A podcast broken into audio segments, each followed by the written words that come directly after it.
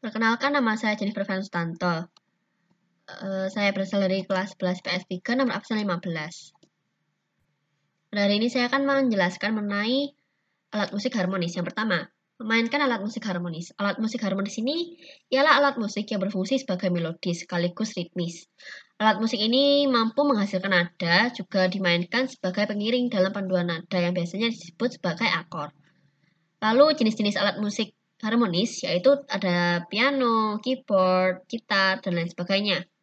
Lalu alat musik harmonis ini juga juga dapat dimainkan secara kelompok selain dimainkan secara solo.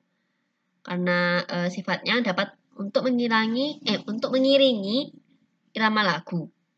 Dan biasanya juga dapat digunakan dalam sebuah orkestra.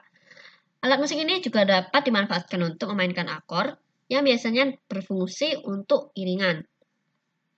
Lalu yang kedua, memainkan alat memainkan alat musik dalam grup. Biasanya ini e, disebut sebagai ensemble dan ditinjau dari e, berbagai macam alat musik yang dimainkan seperti terdapat ensemble sejenis, campuran, dan orkestra.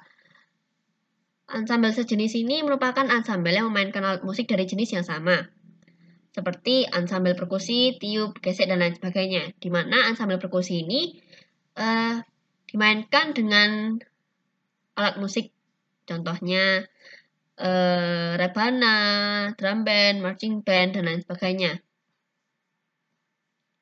Lalu yang kedua, uh, terdapatnya ansambel tiup, di mana ansambel tiup ini merupakan ansambel yang seluruh instrumennya terdiri dari alat-alat musik tiup seperti trompet, klarinet, dan French horn.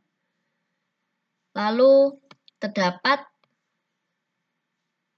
ansambel gesek, di mana ansambel gesek ini uh, juga dimainkan dengan kelompok alat musik gesek seperti biola, cello, kontrabas, dan lain sebagainya.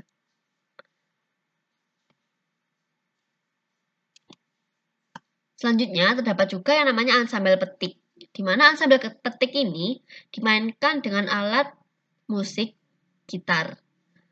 Sebagai eh, sesuai dengan namanya, ansambel gitar ini juga menggunakan instrumen utamanya yaitu gitar. Gitar akustik ini sering pula disebut sebagai gitar Spanyol karena eh, sesu, eh, berdasarkan sejarah yang ada, di Spanyol itu gitar bertransformasi menjadi uh, gitar yang berfungsi sebagai pembawa melodi, lalu gitar yang uh, dimainkan untuk memainkan akor. Sekian dari presentasi saya. Terima kasih.